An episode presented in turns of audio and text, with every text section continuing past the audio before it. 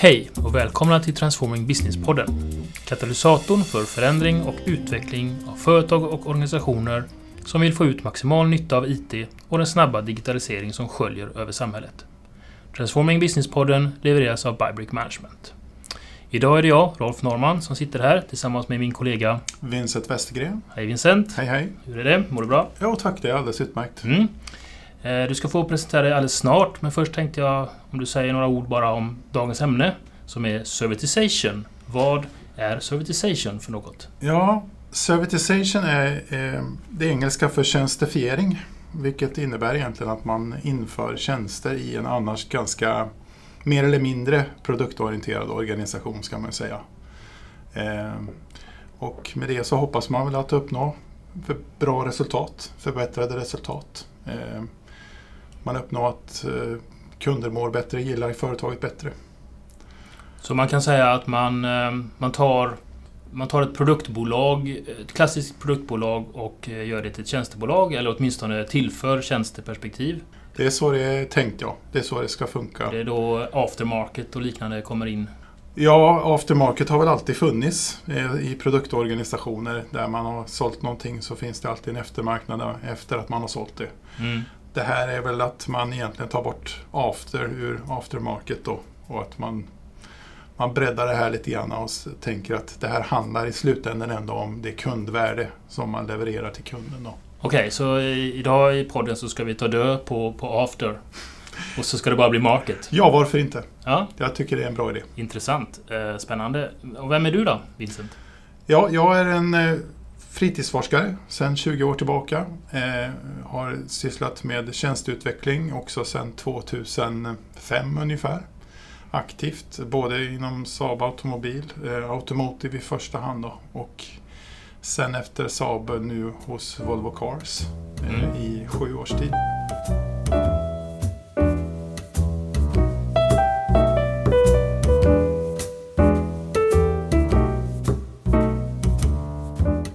Okej Vincent, eh, vad, eh, vad har du att säga om servitization då? Vad, vad, var ska vi börja? Ja, tjänstifiering är eh, förändring av affärsmodellen. Det är det det innebär. Man har ett produktföretag, Mm. mer eller mindre produktföretag med mer eller mindre tjänster. Men man har bestämt sig för att ha mer tjänster eller ha tjänster överhuvudtaget. Och det innebär ju att man behöver ju inse att det här är en omställning av företaget som tjänstifiering innebär. Eh, Det är en förändring av affärsmodellen som det handlar om. Och det är inte frågan om liksom de här leverablerna i själva verksamheten här just nu utan det är frågan om vad, vad, vad måste vi ändra på i vårt varande och i vårt sätt att producera för att faktiskt klara av att producera tjänsterna och eh, på det sättet med den kvaliteten och så vidare, med den lönsamheten som vi siktar på. Det men, men är inte det här utmaning. någonting som... Det har man väl pratat länge om. Det, det är väl eh, någonting som produktbolagen har tänkt på och hållit på med rätt länge? Eller?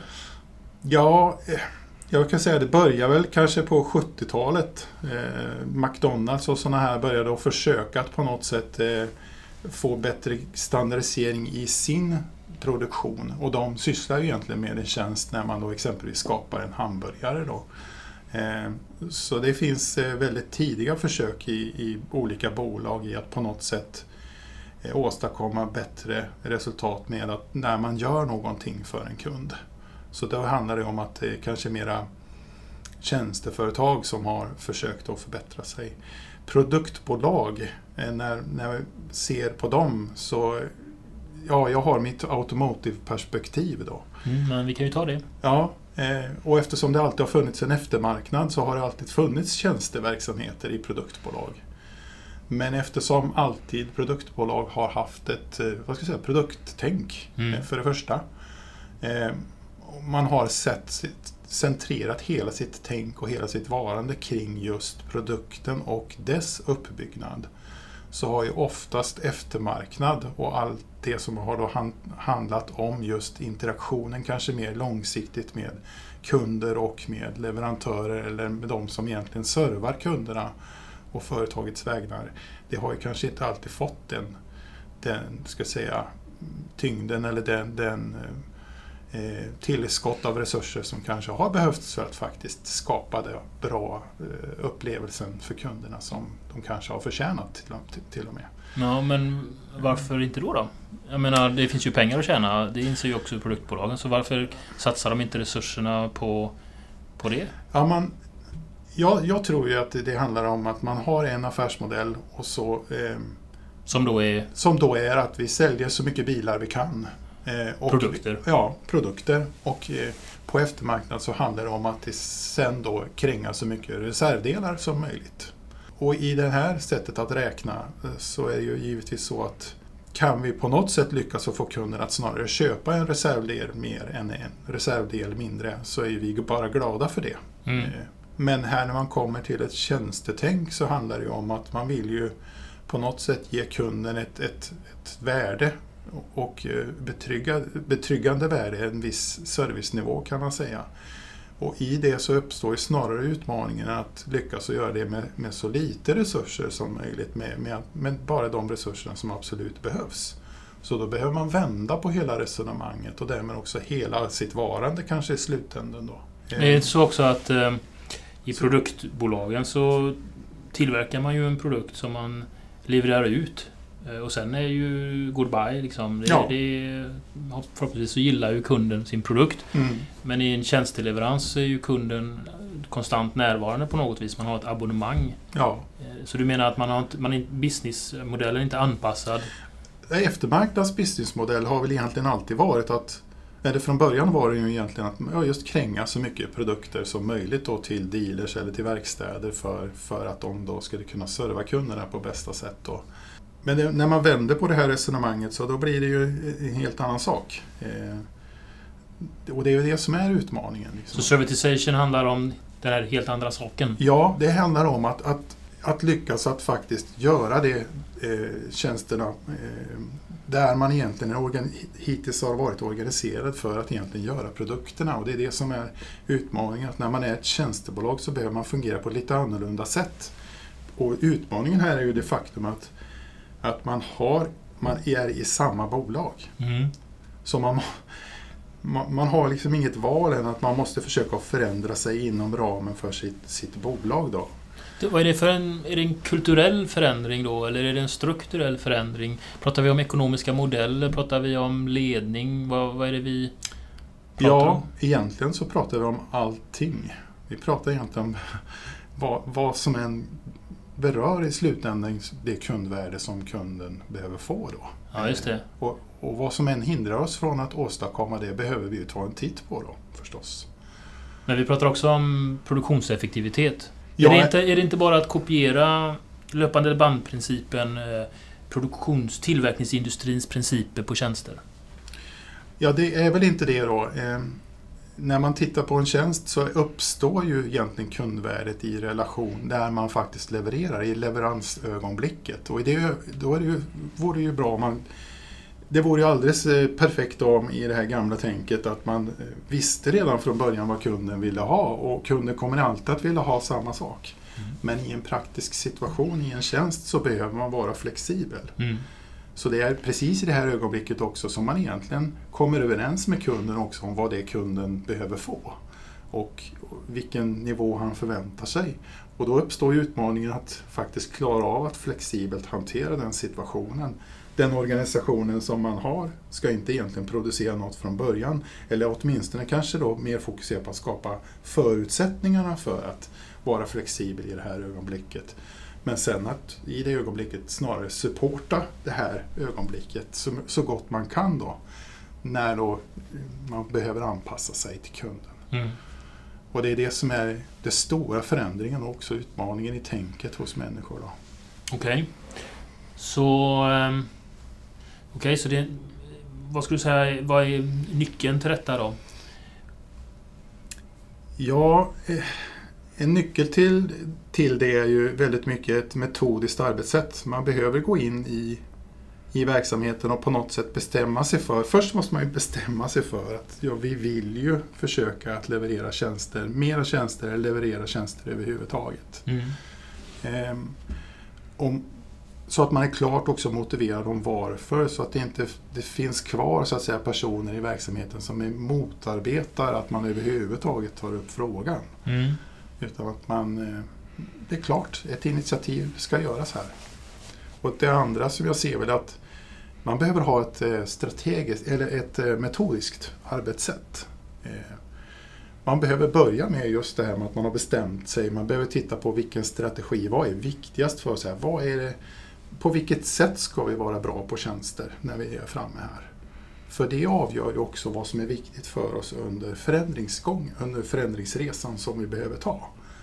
Om vi anser att vi ska vara snabbast på någonting, ja då behöver vi kanske ha vissa förutsättningar klara för oss för att verkligen vara snabbast. Ska vi vara flexiblast på något sätt? Det är ju kanske lite svårt att eh, prata om de här olika egenskaperna. Men, men med olika egenskaper, om man har bestämt sig för vilken egenskaper man ska ha så kommer man att behöva ta hänsyn till hur, de, hur man faktiskt kommer dit här, att man har de egenskaperna i slutändan. Men det låter också... Så det behöver, kräver ett arbets, metodiskt arbetssätt. Man behöver ta det här i tur och ordning så att säga.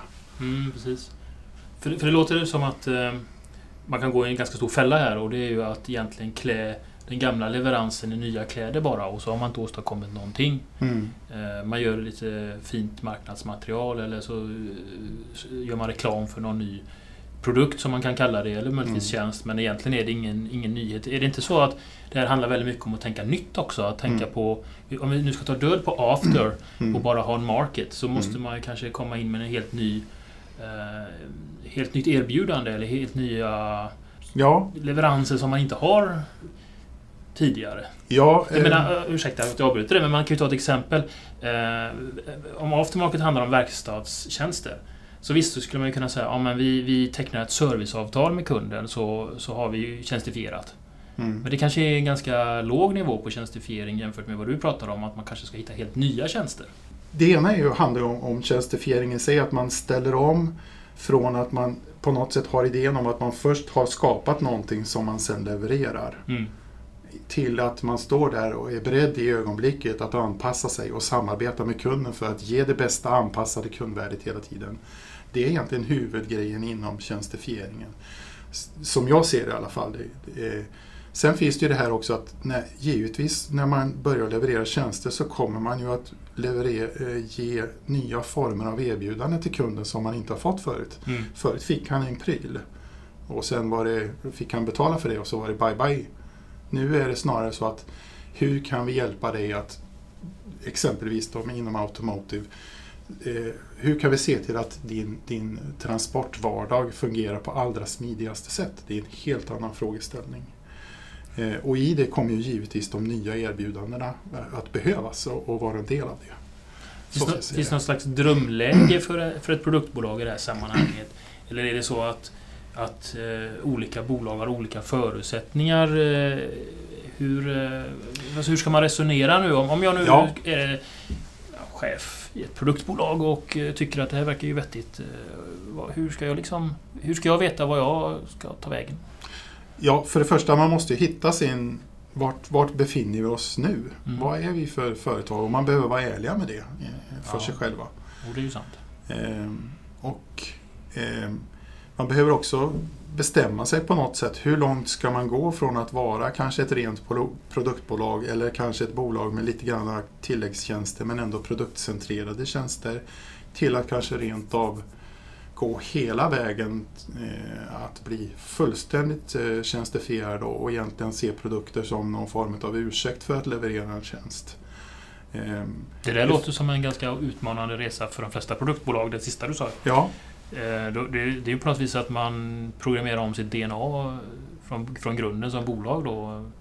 Om man har funnits i hundra år eller sådär, ja. sånt där. Och, producerat produkter i livscyklar och, och produktutvecklat och förbättrat sig. Och så plötsligt så ska man se sin produkt som någon slags, någon slags sekundär möjliggörare bara. Mm. En infrastruktur för att kunna leverera en tjänst. Är det vanligt?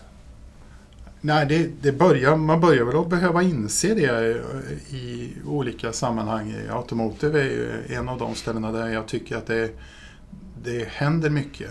Eh, naturligtvis eftersom det är en ganska traditionell industri från början. Mm. Eh, men det, det, ser man ju egentligen på, i, på många olika branscher att det, det händer. Eh, det, ja, jag vet inte riktigt vad jag ska säga mer om det. Det är en omställning av affärsmodellen. Det är det, det vi säger är DNA. Men är det en önskvärd omställning? Eller är den så att säga nödvändig för överlevnad? Eller?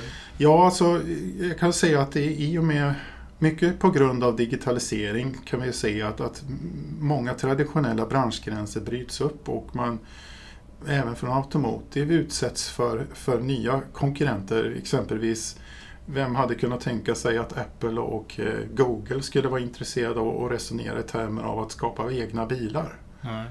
Fast de bygger ju inte bilarna själv. Nej, de gör inte det. Vad är det de gör då?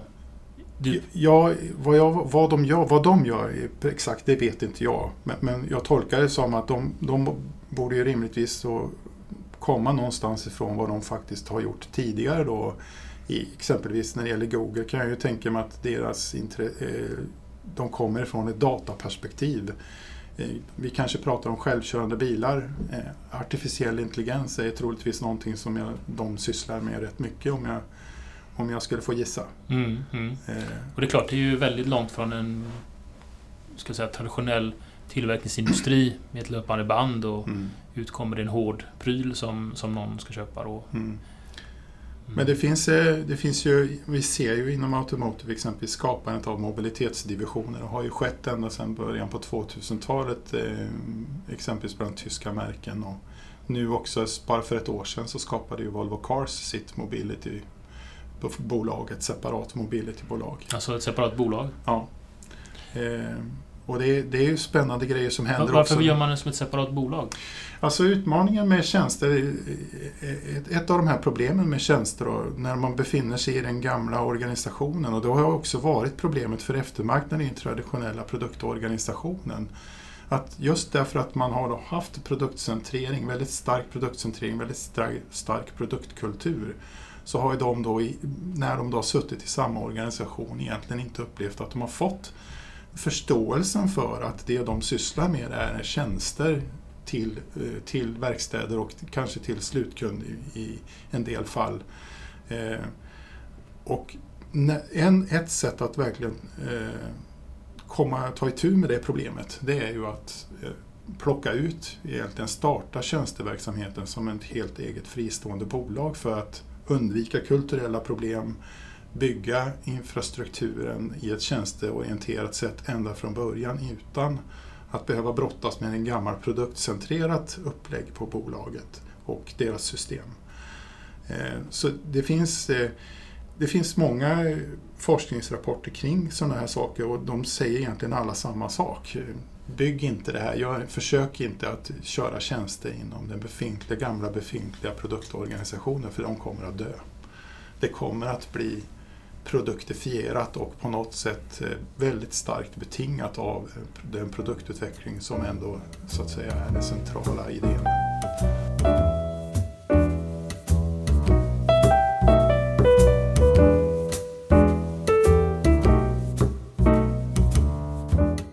Ja, Vincent, du säger då att eh, tjänstifiering eller tjänsteinitiativet riskerar att dö i ett produktbolag om man inte gör det på rätt sätt, om jag, om jag förstod det rätt. Vad, vad, kan du utveckla det lite mer? Vad, vad innebär det? Ja, initiativet, i och med att det handlar om att förändra affärsmodeller, så behöver det göras i, i en bra ordning som gör att tjänsterna kan bli till och överleva initiativet till förändring behöver kunna faktiskt överleva vardagen. Om inte man tar tag i att göra de nödvändiga förändringarna för att det här faktiskt ska överleva så kommer ju vardagens prioriteringar säga ja men vi behöver fokusera på att utveckla våran produkt istället. Och naturligtvis så kommer resurserna då att försvinna från det här initiativet till någonting annat. Men det, det riskerar man väl även i ett tjänstebolag? Det finns ju alltid en eh, resursprioritering och en konkurrens om resurser i vilket bolag som helst oavsett. Ja. Så, så eh, menar du att Ja, du kanske tänker så att eh, om man har produkt-DNA så eh, man gör det som är enklast. Då går man tillbaks till produktutveckling. Mm. För det är lite jobbigare att hålla på med tjänsteutveckling. Ja, det, det är så det är. Och, eh, man kan säga så då att om, om man är ett produktbolag så kan man ju kanske välja Att vara det och att kanske ha lite pålägg av några mera produktcentrerade tjänster. Och den positioneringen på den här skalan kanske från total produktcentrering till, till total tjänstecentrering. Den positionen kanske man kan upprätthålla inom en traditionell produktorganisation. Därför den tjänste, tjänstenivån, på, den nivån på tjänster, den omfattningen, den kräver inte nödvändigtvis att man gör så mycket förändringar utav organisationen eller kulturen. Man kan klara att producera tjänster på det sättet, eh, med den ambitionen, om man då ändå ger dem den uppmärksamhet, den förändring och det arbetet som behöver åstadkommas, den uppmärksamhet och de resurser som behövs. Men om vi pratar om att utveckla tjänster som en affär och göra den till en om, mer omfattande affär och en omfattande del av omsättningen. Då kommer man till, till en brytpunkt på något sätt i det här där man, där man tvingas att faktiskt klara av att supporta den omfattningen. Mm. Och det klarar då inte den traditionella organisationen av och kulturen av. Och då kommer man antingen till det valet, antingen så lyckas man att ge då det här initiativet och det större initiativet det, det stödet det behöver. Eller också så kommer det att dö då på, på grund av att man ändå i vardagen behöver göra de prioriteringar man gör. Och då faller man tillbaka till produktprioriteringen. Ja, just det. Man kan säga För det är det man mäts på också. Kapacitetshantering i en tillverkningsindustri handlar ju om hur mycket produkter man får ut från sin industri, sin, sin fabrik. Ja. Eller sina fabriker. Medan kapacitetshantering i tjänsteleveransen handlar om abonnemangshantering. Löpande Eh, dag ut och dag in kunna supportera den, mm. det abonnemanget som man har. Eh, det är klart, det, är en väsentlig skillnad. Så om jag nu då vill gå in i detta som, eh, som produkttillverkare, var, var börjar jag någonstans? Ja, det finns ju, det finns ju en idé att om, om du har en, en produktbas, du, har, du tillverkare sedan länge, du har en mängd produkter redan ute på marknaden så är det ju det närmaste man kan göra förstås det är att säkerställa att man har en bra tjänster som är produktcentrerade. Mm. Eh, och det kan man väl se att många av eh, bolagen som jag ser på i alla fall eh, gör och försöker att göra. Om vi sen pratar om att utveckla, utveckla det här tjänste, eh, omfattningen på tjänsteportföljen mer eh, och inrikta sig kanske på tjänster som är centrerade kring eh, nedströms leverantörer, verkstäder, dealers och så vidare så är det en helt annan portfölj av tjänster till en helt annan typ av kunder som har helt andra behov än det egna bolaget och dess produkter. Då. Där finns ju en möjlighet att man tar ett annat steg eh, och, och bestämmer sig för att utveckla och, och skapa lönsamhet kring den typen av tjänster. Sen finns det ytterligare en möjlighet. Man kan ta ytterligare ett steg närmare kunden om vi nu säger så. Och tittar på, skulle man kunna utveckla tjänster som är fullständigt kundcentrerade? Och där försöker många bolag idag, upplever jag det som, att skapa någon form av exempel på sådana kundcentrerade tjänster. Vi kan titta på Volvo bilar exempelvis som nu nyligen har kommit ut med Care by Volvo.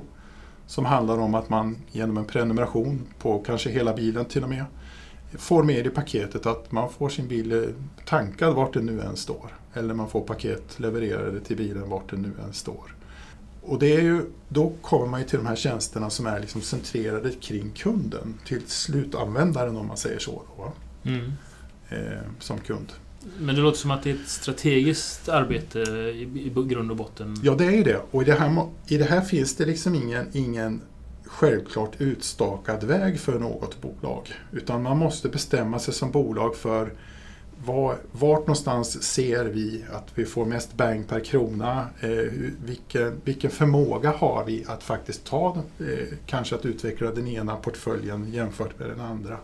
Vilke, vilken väg ska vi gå för att det här ska, vi ska nå fram till det, det slutmålet vi vill nå på, på ett hyfsat sätt? Eller på bästa sätt. Så här finns en verkligen en, en, en, stor strategisk diskussion. Eh, och den behöver man ta.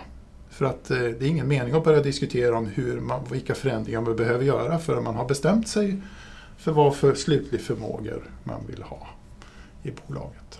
Jag antar att man är oerhört beroende av sin omvärld.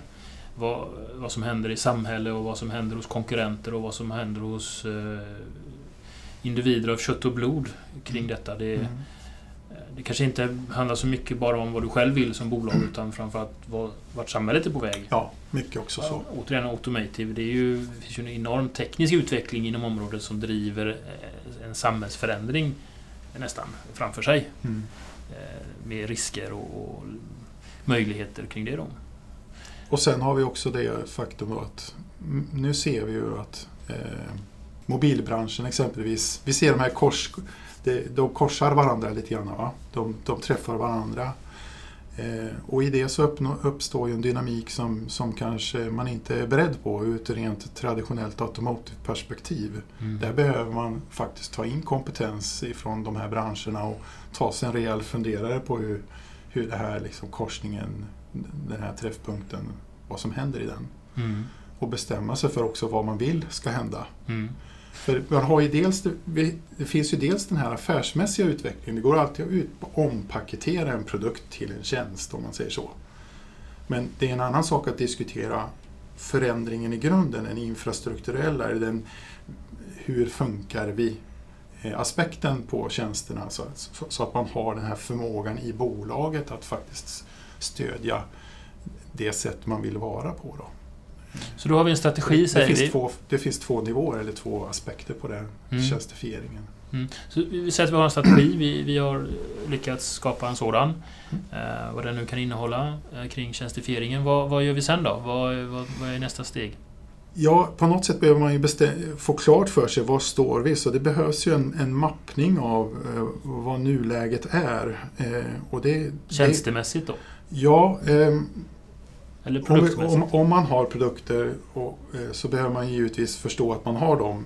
Men man behöver också, om man då har tjänster redan, förstå vilka tjänsterna är och på vilket sätt de relaterar till produkterna. Vad förväntas de här tjänsterna åstadkomma för värde ovanpå produkterna? Mm. Eh, För alla produktbolag har ju åtminstone en tjänst och det är ju leveransen ja, av produkten. ja, Så det finns ju inget produktbolag som inte har tjänst nej. kopplat till sig. Nej.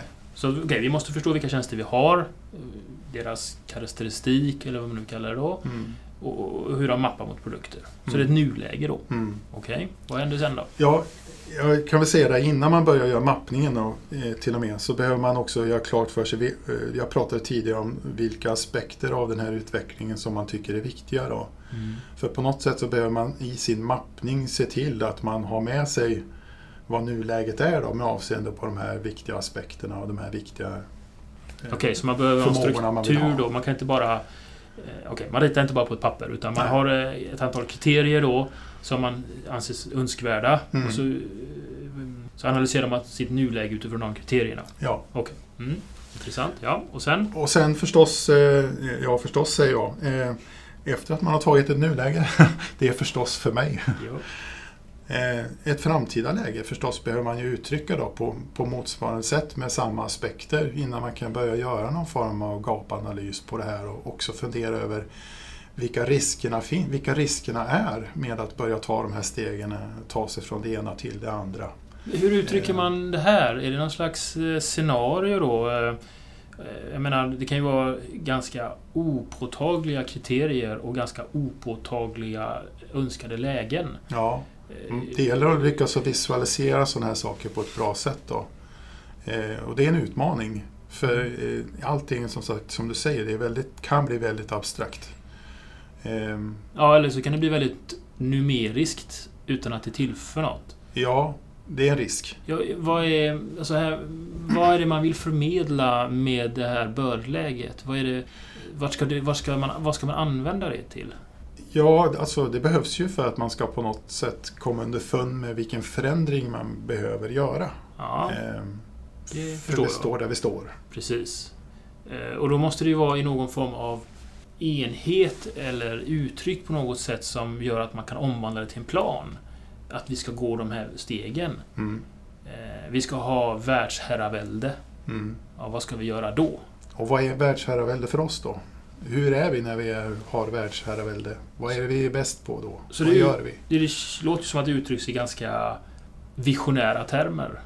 Ja, men det kan också vara så att man behöver prata om, om konkreta attribut, egenskaper som, som vi ska på något sätt gen, verkligen genomlysa här både i vårt nuläge och i vår framtida och verkligen se till att vi uppnår det målet vi vill med den här egenskapen. Om vi eh, våran upptid eller våran förmåga att på något sätt stå för en kontinuitet kan ju vara en sån egenskap som vi, vi vill säga exempelvis. Vi kan säga vi, vi ska vara våra tjänster ska alltid vara tillgängliga, mm. kan någon säga. Mm. Eh, och vad innebär det då? Mm. Vad får det för konsekvenser? Mm. Det är ju en sak att säga det, men en helt annan sak att faktiskt se till att man kommer dit. Och då är det förstås en egenskap som vi tar med oss i den här diskussionen, både om var vi står just nu och var vi behöver vara någonstans. Sen kan det finnas andra egenskaper. Eh, vi kan prata om eh, våran förmåga i eh, att leverera geografiskt, mm. exempelvis. Vi kan Så säga... bägge de här exemplen de mynnar ju ut i någon form av kvantifiering. Mm. Eh, vi ska ha tillgängliga tjänster, eller våra tjänster ska alltid vara tillgängliga. mynnar ju ändå ut i någon form av numerär.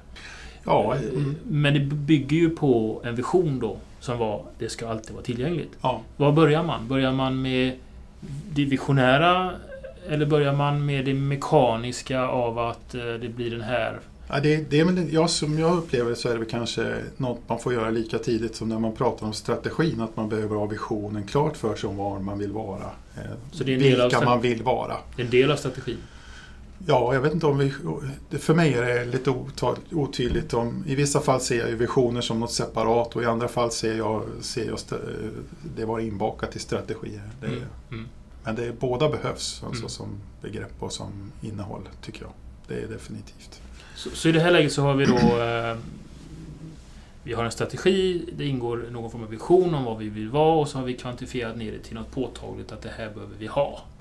Vad gör vi sen då? Ja, sen kommer det stora jobbet. Det är då det är dags att kavla upp ärmarna då och se till att man får mandatet för att börja göra de här förändringarna i någon form av lämplig stegplan. Då. Här kommer när riskanalyserna in. Då. Mm. Är det lämpligt att göra en Big Bang-förändring av något slag eller ska vi försöka ta en viss förändring i delförändring i steg? Mm.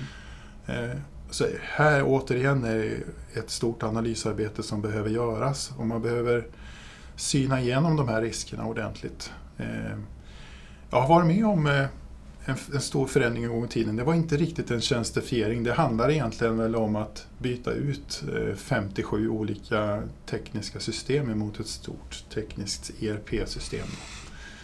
Eh, där var det ju väldigt tydligt budskap att eh, håll koll på era risker för det finns företag som har dött på grund av att man har gjort sådana här stora förändringar. Mm. Så ju större förändringar man alltid gör, och det gäller även tjänstifiering, så finns, här är vi ju inne och mekar i hur företaget funkar. Vi är inne och, vi är inne och liksom opererar om lungorna och hjärtat på företagen. Mm. Det gäller att göra sådana saker med, med liksom måtta och med, med eh, någon form av metodik och sans och, och eftertanke. Kan det vara skäl till varför man lägger ett eget bolag då? Ja, det är ju en, en, en ytterligare fördel. För minska risker? Ja, minska risker. Precis. Mm. Då påverkar man ju inte den befintliga affären så himla mycket. Det är snarare frågan om interface då mellan eh, den ena till den andra. Så vi vet vart vi ska, eller vart vi vill då. Mm. Vi vet vad vi behöver ha mm. och vi riskhanterar. Mm. Vad behöver vi mer göra? Ja, det är dags då att börja hitta resurserna att faktiskt göra de här förändringarna. Mm. Eh, och det har jag varit med om eh, åtminstone en gång förut där, där Eh, Eh, den högsta chefen sa till mig att vi har inte tid med det här. Eh, ja, men då är det så att man behöver ändå försöka hitta den där kanske 5 procenten av sin arbetstid i någon form av projektering eller vad det nu är för att åtminstone göra en liten förändring någonstans som börjar att förbättra det här. Eh, göra ett pilotskott av något slag, exempelvis en pilotaffär, en pilottjänst. Om det nu är så att den visar sig vara lönsam så borde det ju då genereras eh, större ekonomi än vad det var innan. Mm. Så kan vi väl säga då. Försöka då lite grann som IKEA, med IKEA-tänk bygga upp det här steg för steg. Då. Eh, och jag tycker det, där finns det en stor poäng i det agila tänket att, att ta, någon, ta någonting hela vägen snarare än att försöka ta allting hela vägen. Mm. Verkligen reducera risker på det sättet också. Mm. Mm. Och då kan man också välja så att säga att eh, antingen satsa på det som är mest lönsamt eller det som är lättast, vilket man nu anser ja, är bäst för företaget. Mm.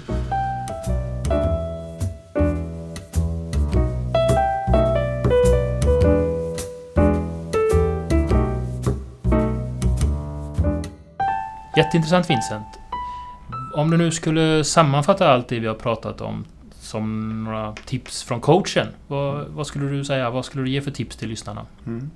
Eh, Man får vara klar över att det vi har pratat om nu är en, en idealiserad bild egentligen. Eh, en process där vi har, eh, kommer in från början, får göra ett grundligt arbete, förarbete och, och ta en, en metodiskt arbetssätt framåt. Ehm, i verkligheten kommer man ofta som, vi som konsulter in eh, i, i tjänstefieringen där mitt inne under pågående diskussioner någonstans på vägen fram här. Eh, så det första man, vi behöver göra är att förstå var kunden står någonstans både kulturellt och eh, var är man någonstans i den här, på den här mognadsresan och eh, innan man också kanske och, och, på förändringsresan man eventuellt håller på med. Eh, man måste förstå att varje fall är unikt eh, när man gör det. Då.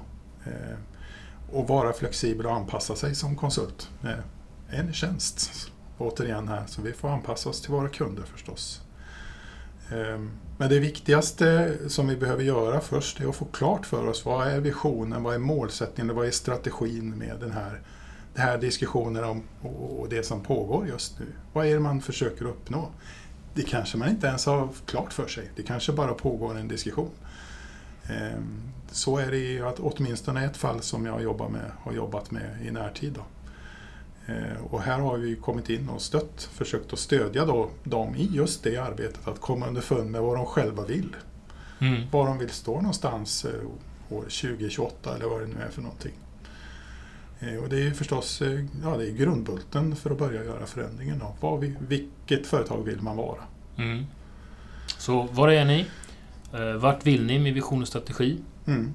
Ja, man måste förstå att, att tjänster inte är produkter och, och därmed så måste man också vara beredd att släppa det här. Man måste ta den diskussionen så att folk är beredda på att vi kommer att börja göra någonting här som som inte har funnits förut. Mm. Eh, vi kommer att börja göra förändringar till någonting som ni inte är vana med att se. Det kommer att kännas otryggt kanske för många.